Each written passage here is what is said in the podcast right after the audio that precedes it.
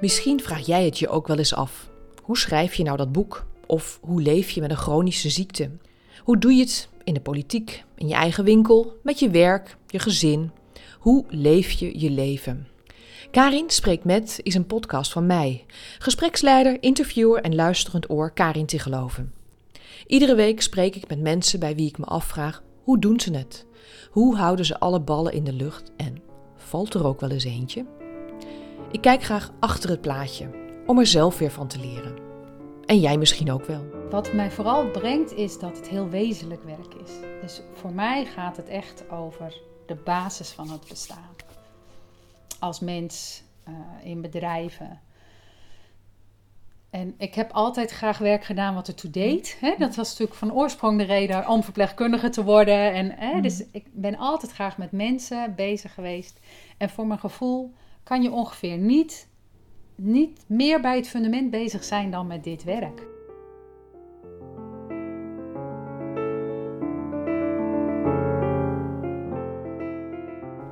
Iedereen maakt deel uit van een systeem, een familie, een bedrijf of een andere organisatie. Je plek in het geheel is vaak bepalend voor hoe je je leven leeft. Annemieke van der Mooren is erdoor gefascineerd. Van oorsprong is ze verpleegkundige, maar via een vriendin kwam ze in aanraking met dit systemisch werk, oftewel opstellingenwerk. Ze was zelf een aantal keren representant en besloot in 2010 de opleiding te doen. Bij familieopstelling vraag je representanten om bijvoorbeeld een tante, oma, oom, broer of zus te vertegenwoordigen. En dat doen ze dan op zo'n manier, heel natuurlijk, dat ze bijna die persoon ook zijn. Ze reageren dan op dezelfde manier als die persoon. En daar kun je veel waardevols voor jezelf uit afleiden. Annemieke van der Moren heeft inmiddels alweer jaren haar eigen praktijk in dit opstellingenwerk. Ze werkt vanuit een pand in Park Voorn in Utrecht. Je hebt eigenlijk een heel deel van dit pand, hè? Ja. Een, een gang met allemaal kamers en dat is allemaal jouw praktijkruimte. Ja, dat is uh, heel overvloedig. Ja. en je gebruikt ook al die, uh, al die ruimtes Veel hier. wel. Het grootste gedeelte gebruik ik. Ja. ja. en waar gebruik je het allemaal voor? Nou, ik heb een individuele sessieruimte. Ik heb twee groepsruimten. Eén, één wat meer persoonlijk en één wat meer zakelijk. En ik heb één kamer ingericht als keuken, omdat er geen stromend water is. Dus dan haal ik stromend water in de werkkast. Of haal ik water. En, uh, en ik heb een wachtruimte. En af en toe leen ik nog wel eens een ruimte uit aan iemand die bijvoorbeeld helemaal gek wordt van thuiswerken. En die dan hier een bureau neerzet in een van die kamertjes. En daar dan even werkt. Oké. Dus uh, ik heb deze gang. Ja. en hierboven, want af en toe kunnen we straks nog wat muziek horen. Hè? Daar, dat is ook weer verhuurd op die ja, manier. Ja, boven is de hele gang aan muzikanten. Oké. Dus uh, het is, ik heb uh, regelmatig live muziek. En de drummer zit hier best pal boven. Maar de band zit helemaal vooraan. Maar af en toe is er ook een bassist. En het, er is echt van alles. En je hebt er geen last van of, maar, of gemak nee. misschien juist? Ja, het is altijd wel een soort van grappig, die achtergrondgeluiden. En er zit geen snerpend geluid in. Daar kan ik zelf altijd heel slecht tegen. Dat gaat op mijn zenuwen werken. Ja, dus ik, uh, ja. ik vind het eigenlijk een soort van grappig. Op de wc hoor je het best. Ja, ja dat, hoor. dat had ik in de gaten. Ja, ja precies. Ja. Leuk. Ja. En um, jij zei dus al van, nou, je, je, je hebt hier individuele sessies, je doet het met groepen, je doet het meer privé en je doet het ook zakelijk. Want jij doet vooral, daar ken ik jou van, familieopstellingen. Ja.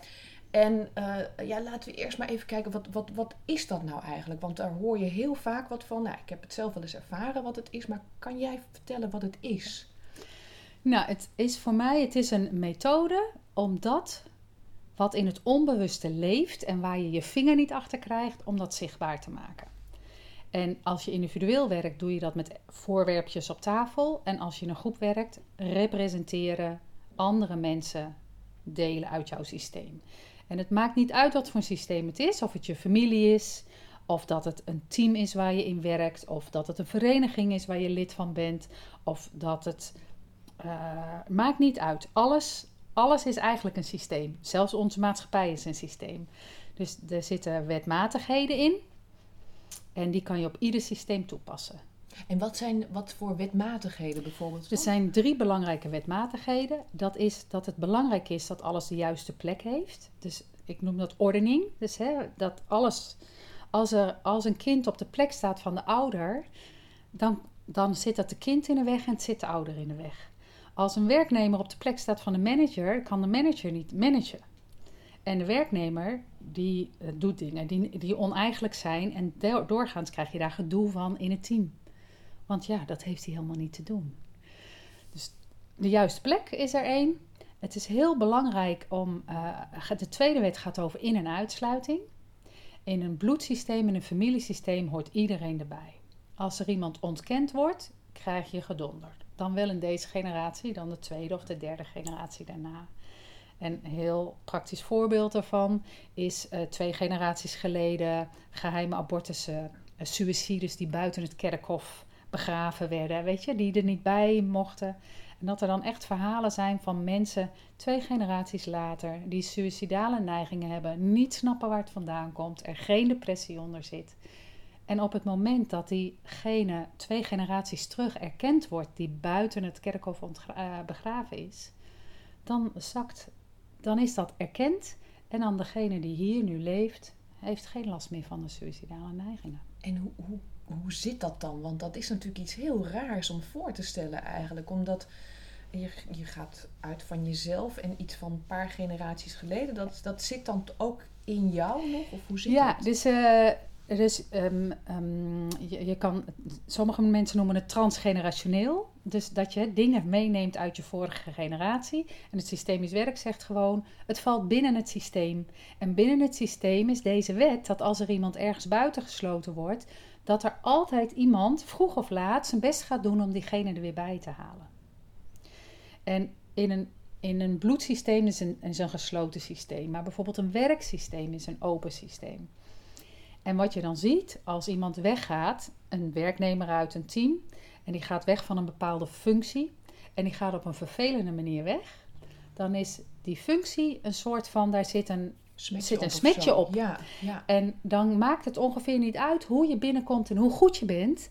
Per definitie is het moeilijk om daar op die functie te slagen. Ja, ik moet even denken aan iets heel anders, maar misschien is dat vergelijkbaar. Dat ik, ik, ken, ik, ik woonde voorheen in Leiden en er wa- was een bepaalde plek, daar werd, kwam weer een winkel en die ging, Ging weer mis. failliet en ging weer mis. En Ja. het was gewoon, die plek was niet oké. Precies. En dan heb je dus eigenlijk eerst iets te doen om die plek weer schoon te maken. En heel vaak gaat het dan over erkennen van degene die op een vervelende manier is weggegaan.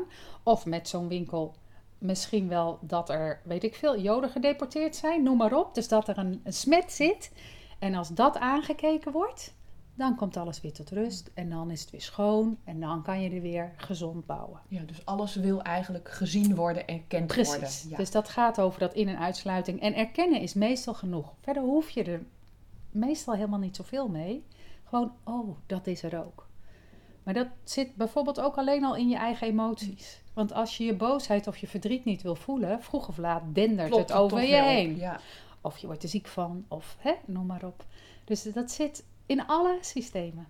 En jij zei, er waren drie dingen. Dus we hadden de ordening. eh, de, de, In- en uitsluiting. ja, in- en uitsluiting. En het derde? En balans in geven en nemen. En balans in geven en nemen gaat over: eh, ik bied jou wat aan, jij betaalt mij daarvoor.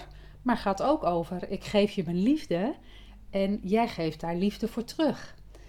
En, is het, en het, dat zit, is heel erg ruim. Dus als jij binnen een familie, binnen een partnerrelatie is het duidelijkste voorbeeld. Als de een alleen maar geeft en de ander alleen maar ontvangt, dan bloedt vroeg of laat die relatie dood. Maar als de ander weer teruggeeft, dan krijg je een heen en weer Dan beweging. wordt het een stroming. Wordt het een stroom en het Hellinger zegt dan zelf ook: als je altijd iets meer teruggeeft dan dat je gekregen hebt, dan groeit de liefde. Dat is ook zo belangrijk in het opstellingenwerk. Er zit geen dader- en slachtofferschap in.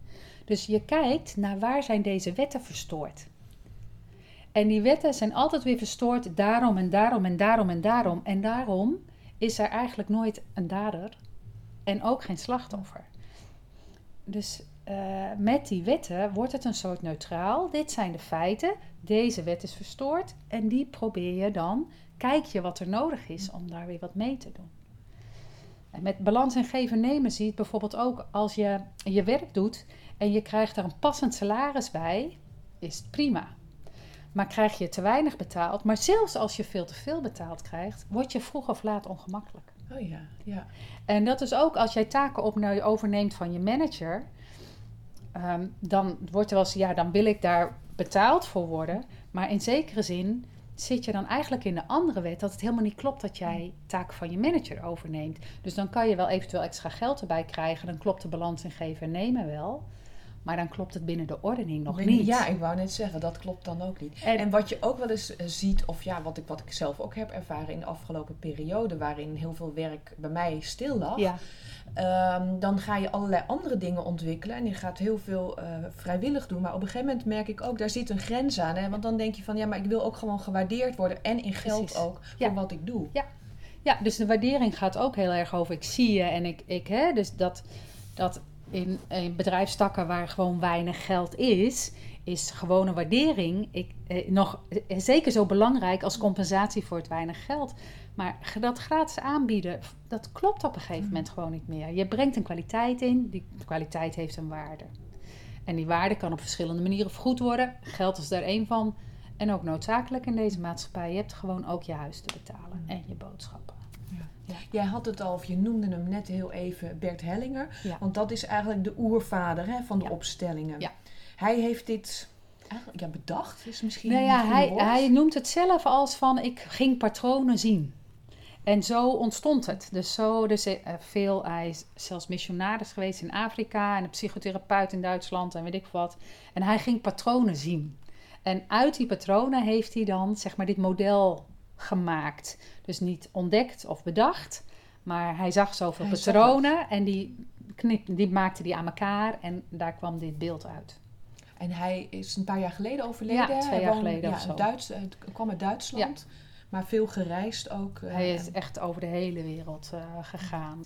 Maar hij heeft wel echt een enorm fundament gelegd in het systemisch werk. Hè, dus hij begon ook vooral met familieopstellingen. En later werd dat dus steeds breder, werd het steeds helderder dat je die wetten in allerlei systemen op allerlei manieren kan toepassen.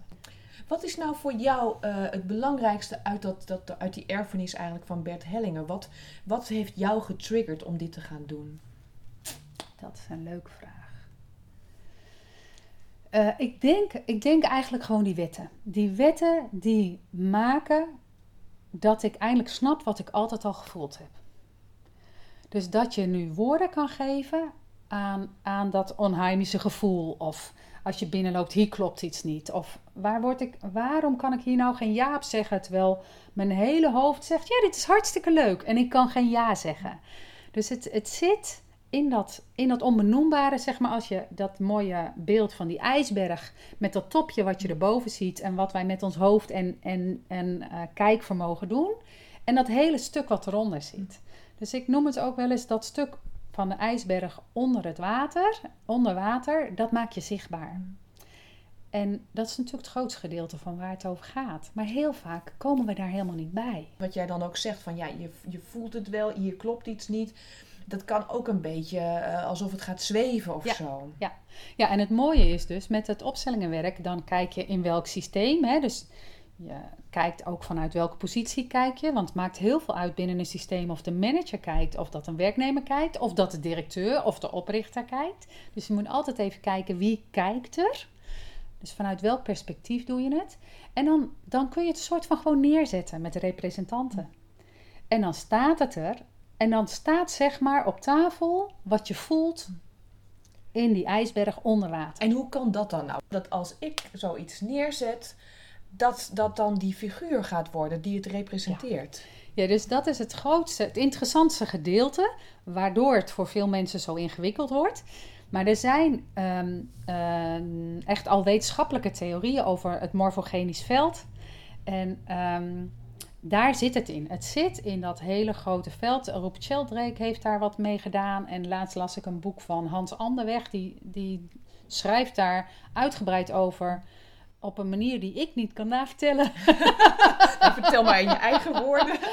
Dus, Ja. ehm, dus er is iets hè, met dat grote veld, met dat verhaal dat die apen op Madagaskar iets nieuws gingen doen en dat de apen op Bali dat ook gingen doen zonder dat er contact was geweest. Nou, in dat soort, in dat soort velden werk je hier. Oh jee. Wat je bijvoorbeeld ook wel eens ziet op een gegeven moment.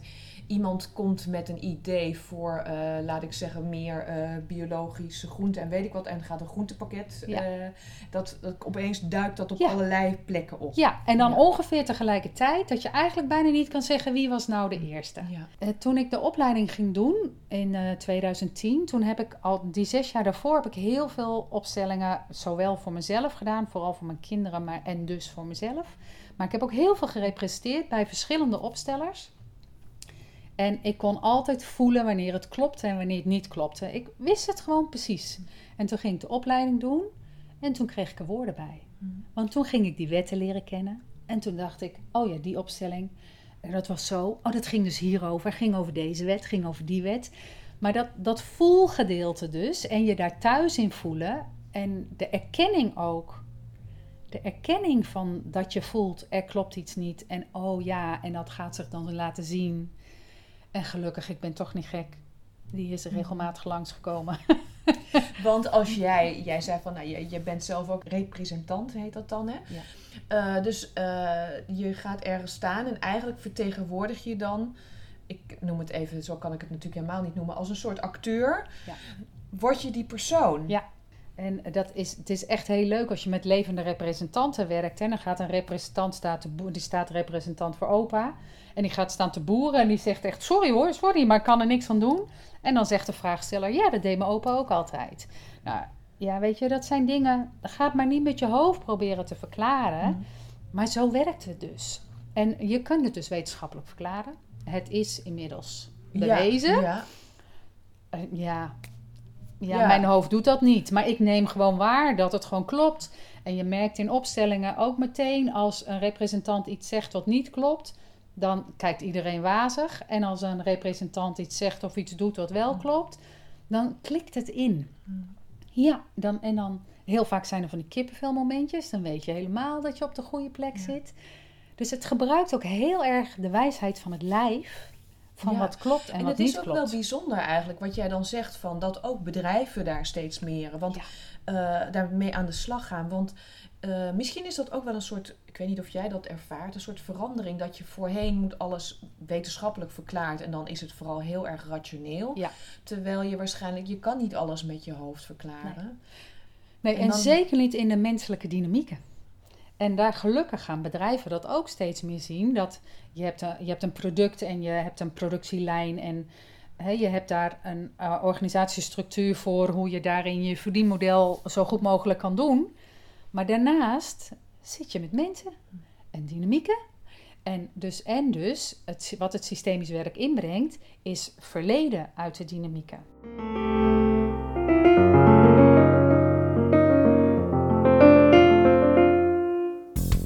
Niet alleen particulieren, maar ook bedrijven kunnen dus baat hebben bij een opstelling.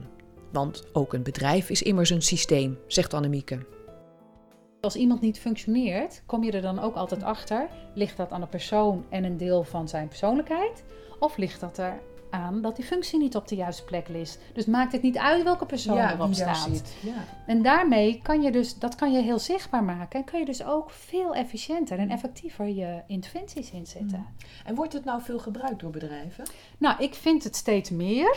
Ehm, eh, ik denk nog lang niet genoeg natuurlijk. Dus ik noem dat ook wel, ik noem het het fundament van het team. Ik zou iedereen aanraden, gewoon als jaarlijkse teamuitje bij wijze van spreken één keer, is een keer dat fundament van het team te doen. Heb je een nulpunt. En dan zou je bij wijze van spreken ieder twee of drie of vijf jaar dat weer eens even kunnen kijken. Hoe ja, zit want dat kan nou? je dan ook kijken bijvoorbeeld naar... ehm, eh, want het, het kijkt eigenlijk terug hè, van, van eh, de, de- het verleden en wat, zat, wat zit daar misschien Ja, niet in goed. principe niet. In principe Oh, oké. kijkt het naar het nu. Nu, ja. En maar de, van daaruit kijk je welke, wel, waar zitten de problemen binnen die drie witten. Ja. Binnen ordening, in- en uitsluiting, balans en geven nemen. En dan breng je een nieuwe gezonde ordening aan. Mhm. En soms is het nodig om daarvoor terug Ja. te kijken. en kan je ook dus vooruitkijken dan? Ja, dus het leuke is dat je kunt experimenteren. Dus je kunt zeggen, ehm, we hebben nu het op deze manier eh, geordend, zeg maar, hè, binnen ons team. Dus we hebben een manager en dan vijf van vijf, eh, noem maar eens wat, dezelfde. Hè? En dan nog een administratief medewerker. En dat je zegt, we willen naar een reorganisatie en dan hadden we dat en dat bedacht. En dat kun je dus uitproberen. Dus ik heb het wel eens met een directeur van een hogeschool gedaan. Die had bedacht dat ze een, een adjunct wilde hebben. Uh, of twee adjuncten. Ze had er één en ze wilde er één bij. En daaronder zaten dan vier managers. En ik had gewoon, ik had grondankers, wordt nog niet genoemd, mhm. gemaakt. Gewoon een A4'tje en daar dan de functie opgeschreven. Dus ik had al die, van dat hele managementteam die grondankers gemaakt. En we hadden het eerst neergelegd zoals het nu was. En toen voegden we er dus een toe zoals zij met haar hoofd had bedacht dat het zou werken. Dus ze, ik had hem maar zelf met gegeven met haar hoofd. Dus, en zij legde hem neer, ze, ze stond ermee in de handen en ze shit, ik kan hem niet eens neerleggen. Weet je, zo, het was zo prachtig ook hoe zij het meteen oppikte. En toen hebben we hem op een andere plek gelegd, heb ik het iets, iets anders neergelegd en toen kon het wel. Oké. En het heeft haar dus, ze heeft dus het functieprofiel veranderd en de uren veranderd, omdat het op die andere plek wel werkte. Nou, en ik denk dus, daar voorkom je dus heel veel gedoe mee. Een speciaal bedrijf is het familiebedrijf. Daar komen twee systemen samen. De kracht van familiebedrijven is, als je een gezonde familie hebt, dan zit die hele power erachter. Maar zit er gedoe in de familie, dan heeft dat ook invloed op je bedrijfsvoering. En uh, ik heb zelf zo'n affiniteit ermee, omdat ik dat familiesysteem zo goed ken. Hè, daar heb ik jaren zo intensief mee gewerkt. En uh, wat je ziet, is dat bijvoorbeeld in familiebedrijven en met name met overnames, uh, dan de verstrikkingen die in de familie zitten, zo pijnlijk helder worden met overnames. En hoe wordt dat helder dan? Um, laatst was er iemand en die gaf me het voorbeeld dat het een boerengezin en twee zoons en uh, één zoon had al wel eerder aangegeven dat hij niet per se het bedrijf in hoefde. Maar uh, toen moest hij een keer passen op het bedrijf, zeg maar, dat hij, hij dan bij de dieren bleef. En dat uh, zijn ouders en zijn broer een middag weg waren. En dat hij dan achteraf hoorde dat ze bij de notaris geweest waren. Oh. Ja. Nou, en, en dat dan achteraf, als je terugkijkt, dat dat bij zijn opa ook al zo was gegaan. Maar het zijn hele pijnlijke dingen, die dus heel lang in de familie blijven. Dus oude familiepatronen rondom het bedrijf herhalen zich, maar die kunnen heel veel beschadigen. Want dan heb je eigenlijk sluit je dus iemand van de familie uit, terwijl je hem ook nog een soort rol geeft. Ja. ja. Dus, dus het is een soort. Er zijn dus twee systemen die door elkaar lopen. Nou, ieder systeem heeft kans op verstrikkingen. En als je er dan ook nog twee bij elkaar brengt en die door elkaar laat lopen, is de kans op dingen die misgaan nog veel groter. Terwijl je aan de andere kant ook soms uh, familiebedrijven hebt die heel uh, succesvol zijn. Juist. Dus op het moment dat je familie goed staat, krachtig, iedereen geïncludeerd, iedereen op de juiste plek, dan heb je toch een force, dan heb je een power. Ja, daar, daar, daar kan dan iedereen van meegenieten. Hè? Dus zelfs als je dan gewoon ook extern personeel krijgt, ja, daar, daar ga je op. Daar is een flow. Dus het, het is een kracht en het is een valkuil. En hoe kan je dan, uh, hoe doe jij dat dan? Dan haal je dan die twee systemen uit elkaar? Ja, om te beginnen wel. Dus eerst zorg je dat die familie op orde is. En dan kijk je naar het bedrijf. En dan met name weer met die functies. Hè? Dan begin je met die functies. En hoe zit dat dan? En als dat voor iedereen klopt, dan kun je kijken naar hoe voegen we dat samen. En heel vaak zeg ik ook dat ze bijvoorbeeld ook bij uh, stellen die samen een bedrijf hebben als je uit de deur van je bedrijf stapt en je stapt je voordeur in, zorg dan dat je uit de, de functies stapt en weer in de partnerrol stapt als je je huis instapt. En hoe, want dat is natuurlijk een hele lastige, want vooral als je partners bent, dan kan je het, heb je het aan tafel nog misschien over het werk. Ja, maar dat is dus de kunst. Op het moment dat je dat gaat zien en beter gaat snappen en apart naar je relatie kijkt en apart naar je bedrijf kijkt, dan kun je dat ook zelf ook makkelijker uit elkaar halen. En het gaat natuurlijk nooit los. En dat hoeft ook niet. Maar op het moment dat je snapt en dat je ook ziet, oh, we zitten nu te veel hier. Of we zitten aan tafel ruzie te maken. En we denken dat het een partnerruzie is, maar het gaat over het bedrijf. Of andersom. We zijn in het bedrijf en we komen ergens niet uit. Maar we hadden gisteravond mot over uh, wie zorgt voor de kinderen vandaag. Dus het wil niet altijd zeggen dat het opgelost is, maar als je er bewustzijn op hebt, heb je het eerder in de gaten en krijg je het sneller opgelost. En hoe doe je dat dan nou met een familiebedrijf? waar je in je dus niet alle mensen van de familie vertegenwoordigd hebt. Hoe Ja. zorg je dan toch dat ze niet buitengesloten zijn, wel erbij horen? Eh, dat het heel belangrijk is dat ze in de familie een juiste plek hebben. En eh, ik zou ook zeggen dat je op verjaardagen ook zegt: geen bedrijfspraat vandaag. En dat lukt misschien niet altijd. Maar in principe ga je natuurlijk ook op een verjaardag geen vergadering zitten houden. Maar dat gebeurt natuurlijk wel heel veel. Maar dat is eigenlijk, als ik, als ik het samenvat, ehm, wat, waar, waar wij misschien ook in deze, eh, de- ik trek het wat breder naar de samenleving, weet je wel, ook nu natuurlijk, dat veel mensen thuiswerken en Ja. doen. Heel veel dingen lopen door elkaar Ja. heen. Hè? Je Ja. hebt niet meer echt de scheiding van, nou dan, dan ben je thuis en dan ben je aan het werk en dan ga je misschien iets in je vrije Ja. tijd doen. Ja. Dat dat heel, heel diffuus is geworden Ja. eigenlijk. En voor sommige mensen is dat heerlijk. Hangt een beetje van je karakterstructuur af. En voor anderen is het verschrikkelijk. En voor die is het heel fijn om gewoon dan de deur dicht te doen. En dan echt uit de rol te stappen. En nu stap ik weer mijn gezin in. Of, hè, en nu stap ik naar buiten. En dus het hangt een beetje van je karakterstructuur af wat je past. Maar het is heel belangrijk om dat onderscheid te maken. Het fascineert Annemieke, het opstellingenwerk. Maar waar komt die fascinatie eigenlijk vandaan? En hoe is ze überhaupt mee in aanraking gekomen? in 2004. Er was een vriendin van mij die was al daarmee bezig. Maar die was aan het afstuderen voor. eh, toen was dat nog zo helemaal in dat emotioneel lichaamswerk. Ja. En haar afstudeerweekend deed ze samen met een systemisch werker. En ik ben als deelnemer daar naartoe gegaan. En wat ze deden was dat zij deed wat emotioneel lichaamswerk oefeningen. En dan tussendoor, om en om, deden we opstellingen. En omdat zij dat emotioneel lichaamswerk deed, eh, staat je lichaam veel opener. Hè? En is je geest losser Ja, en ja. is je weerstand minder. Dus bang, gingen we ook meteen doink. Wow. En ik kwam helemaal schokkend en shakend uit dat weekend. Net alsof alles opnieuw in mijn lijf opnieuw geordend moest worden. En toen zei ik, als ik ooit een opleiding ga doen, nog een opleiding ga doen, dan is het dit. Want wat deed je toen? Eh 2004 was ik nog werkzaam als indicatiesteller eh, voor eh, thuiszorg en verpleeghuizen en gezonde en eh, verzorgingshuizen en WVG. Dus ik ben van oorsprong verpleegkundige en Mhm. wijkverpleegkundige. En hoe Ja. kwam je bij dat weekend? Omdat die vriendin mij had Oh, oké. Ja, ja. Ja. precies. Ja. En daar begon dus iets Daar, eh, te ja, precies. En toen Ja. was het in 2004 was het in Nederland natuurlijk ook nog niet zo bekend. Hè. Mhm. Nu, de eerste keer dat ik op een eh, festival een workshop gaf, dan zat ik in een tent met twintig vrouwen en dan zaken misschien twee uur een hand op, hè, dat ze het werk kenden. En als je het nu doet, zitten er twee bij die het niet kennen. Dus dat heeft natuurlijk een enorme rush gemaakt in deze bijna twintig jaar. Maar de- toen is het aangegaan. Mhm. Dus toen ben ik bij Maar toen duurde het nog echt een tijdje Ja. voordat je die opleiding ging Ja, doen. hè? dus ja. eh, ik, ehm, ik, eh, op een gegeven moment in 2010, toen eh, zat ik op, een bank, op het bankje voor mijn huis met een vriendin. En toen zei ik, oh, die, die opleiding komt weer langs, weet je, zo op de mail. En toen zei die vriendin, nou, ik denk dat je smoesen op zijn. Dus kinderen te klein, te moe, geen geld. dus toen heb ik gekregen, gekeken naar de eerste drie weekenden hoe het was met de kinderen. Want die, eh, die, eh, ik was toen al gescheiden en die, en die eerste drie weekenden waren ze bij hun vader. Ik dacht, ja, dan hoef ik gewoon niks Nee. anders te regelen. Dus ik ben niet eens meer naar de open dag gegaan en ik heb me zo ingeschreven.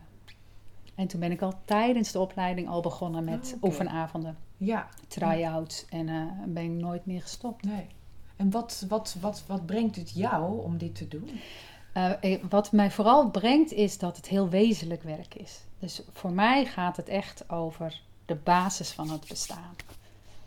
Als mens, eh, in bedrijven.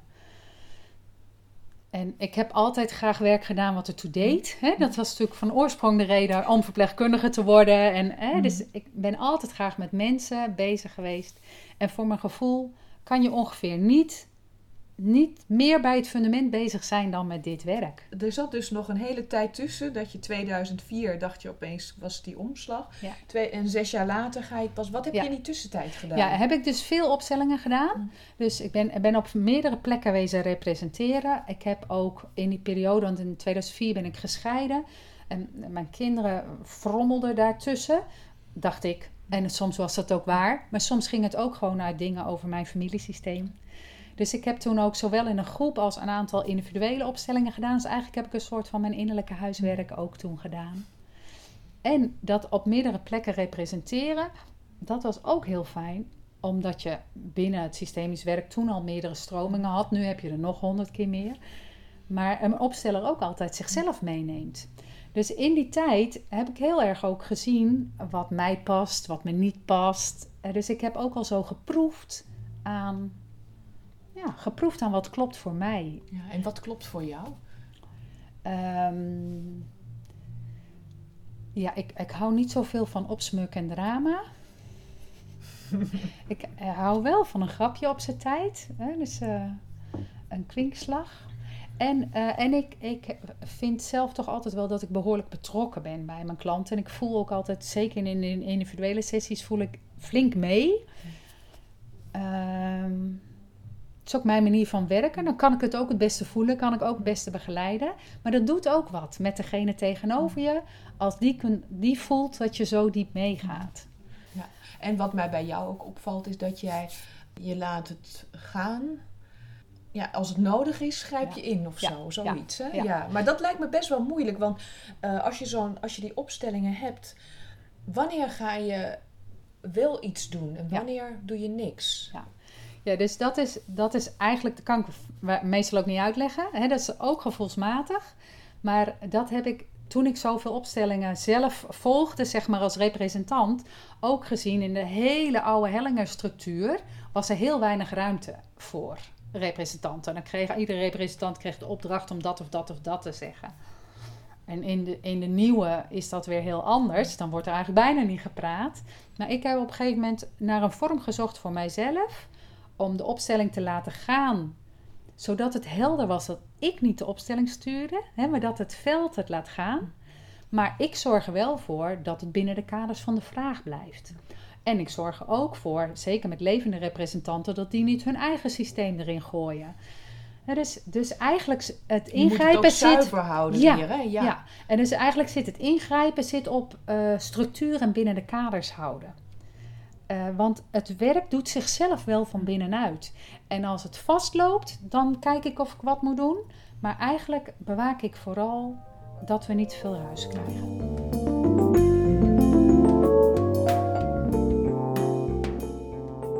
opstellingen. Ook privé heeft het Annemieke veel gebracht. Bijvoorbeeld inzicht in haar vrouwenlijn. Dus de lijn van je overgrootmoeder, grootmoeder, moeder, dochter.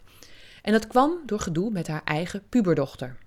Zij kwam op een gegeven moment op een dag thuis en zei: Ik wil bij papa wonen. Slik, ademhalen. Uh, Ze wist niet hoe snel ik een opstelling moest boeken. oh jee. En uh, wat je zag, hè, dus een opstelling laat het dan gewoon zien. Dus daar was met levende representanten.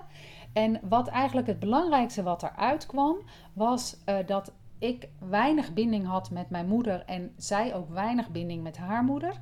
En dat ik dus zo graag het heel goed en een goede binding met mijn dochter wilde, dat ik er uh, vastgreep en dat het beklemmend was. Dus dat was al oké. En wat bleek is dat er niet zozeer een, uh, een intern ding in de lijn was. Maar mijn moeder is van de hongerwinter en was het vijfde kind hier in Utrecht. En dat dus op een gegeven moment werd de oorlog opgesteld. En weet je, en die heeft gewoon dat doet gewoon het leven. Ja, natuurlijk. Ja. Dus, hè, dus geen moeder, mijn oma geen moedermelk, uh, vijf kinderen. Hoezo verbinden? Weet je? Dus, uh, dus die werd opgesteld en mijn overoma kwam erbij. En die was nog een beetje van daarvoor. En ik had, kende de verhalen wel, maar in die opstelling was het zo duidelijk zo'n prachtige, krachtige vrouw. Zij was baakster. In die tijd was het natuurlijk voor vrouwen helemaal niet gewoon om een vak te hebben. En baakster was, zeg maar, is echt een kruising tussen de kraamverzorgende en de verloskundige van oh, tegenwoordig. Okay, yeah. Dus die assisteerde, maar deed ook wel zelf bevallingen als de huisarts er niet was. Of... Dus die heeft ook een aantal van haar oh, eigen ja. kleinkinderen ter wereld geholpen. Maar dat is echt zo'n paf. Dus toen die in de opstelling kwam, baf. En de oorlog erbij in de zin van dit het lot. Hier kan niemand iets aan doen. En toen kon voorzichtig, kon mijn oma zich voorzichtig verbinden met mijn moeder. En mijn moeder met mij. En kon ik zomaar in mijn vrouwenlijn staan. Mm. En wat er gebeurde in die uh, opstelling is dat de representant van mijn dochter En ene zomaar uit zichzelf naar me toe kwam lopen en zo mijn armen inliep. Oh, wat mooi. Vrijdagavond. En op zaterdagochtend komt mijn dochter binnen bij haar vader vandaan. Die woont vlak in de buurt, dus kinderen konden altijd heel goed heen en weer lopen. Hallo mama! En ze gaf me een knuffel. Och nee. En ze ging weer weg. En ze had me al een half jaar niet geknuffeld. En ging ze wel bij de vader wonen of kwam, bleef ze bij jou? Ze heeft gewoon, is gewoon half-half Oh, blijven wonen. ja. En ergens op de 16e is ze een tijdje helemaal bij mij geweest.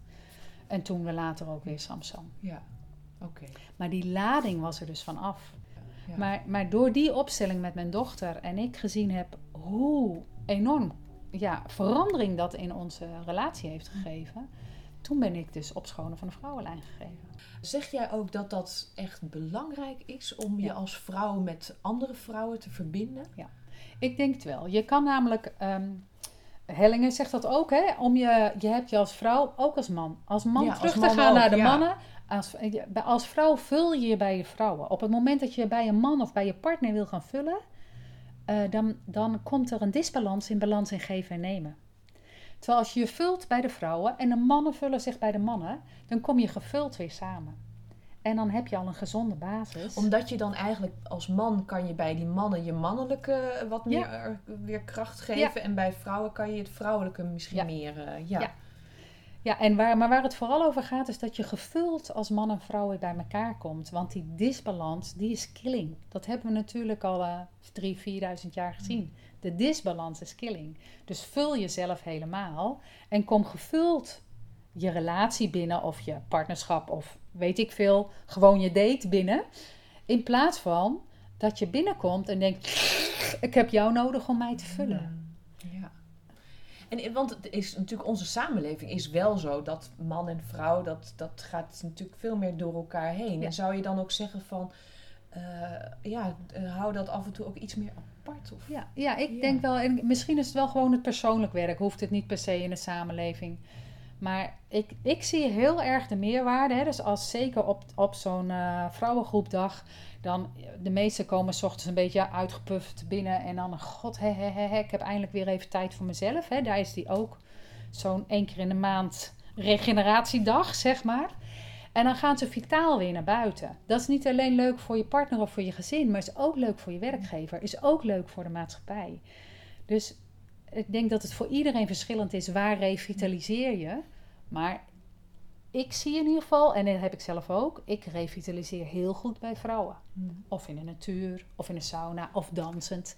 En maar vind je eigen eh, revitaliseerplek. Ja. En, dat, en er is nog weer een ander verschil. Hè? Dus dansen doet mijn fysiek zo goed. Maar eh, als ik met vrouwen ben, kan het ook zo mijn ziel voeden. Ja. En hoe, hoe voedt het dat dan? Wat, wat, waar word je dan mee gevoed? Ja, leuke vraag. Het gaat, als ik met die vrouwengroep werk, hè, aan het eind van de dag zijn een van de weinige dagen dat ik ook niet moe ben aan het eind van de dag. Ehm, dan ben ik geheel vervuld. En dan heb ik een heel warm hart. Ja, zo kan ik het beste uitleggen, geloof ik.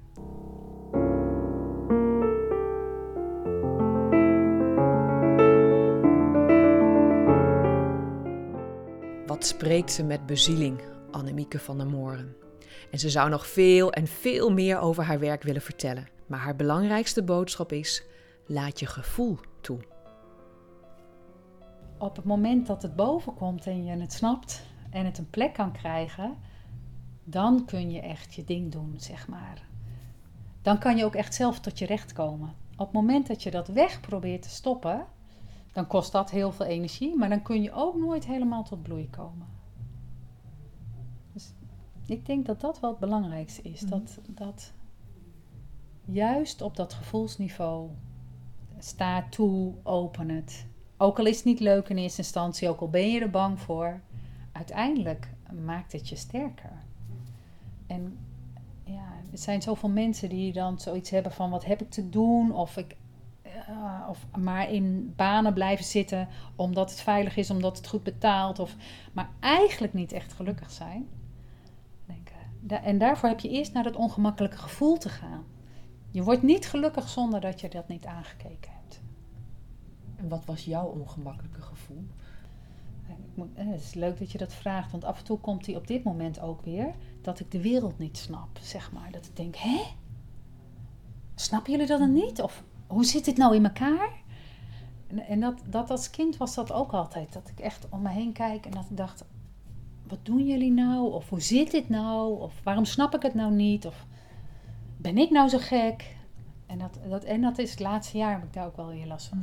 En wat doe je er dan mee? Nou ja, eh, wat ik dus heb gedaan, wat, eh, zeker uit mijn jeugd, wat dat zich zo helder heeft gemaakt als ik dat op tafel zet of als ik dat in een opstelling zet, is ten eerste, ik ben niet gek. Dat helpt echt. Hè? Dat helpt heel erg. Oh ja, dat geeft een opluchting waarmee, waardoor ik beter in mezelf kan zakken. En met dat je beter in jezelf kan zakken, heb je beter contact met jezelf en kun je dus veel beter je eigen leven leven. En kan je dat ook weer uitspreiden naar anderen. Precies. En kan je dan precies dat doen in de wereld wat, wat klopt bij jou en waar altijd wel iemand is die daar blij mee is. En dat is dan weer jouw plek in het grote In het grote systeem. systeem, ja.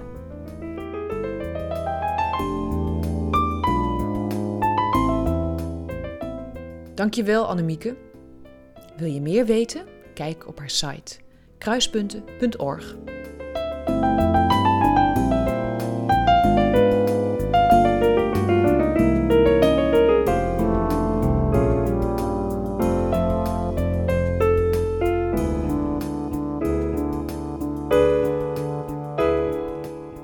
Karin Spreekt Met is mijn podcast. En ik ben gespreksleider, interviewer en luisterend oor Karin Tigeloven. De muziek onder deze podcast is een eigen compositie van buurman Henny Westerwaal. Met dank aan zijn vrouw Connie, want Henny is niet meer, maar zijn muziek gelukkig nog wel. Vind je de podcast leuk, mooi, interessant? Abonneer je dan en geef sterren. En heb je zelf ideeën of tips? Mail ze naar contact@karintigeloven.nl. Karin met een C. Tot volgende week.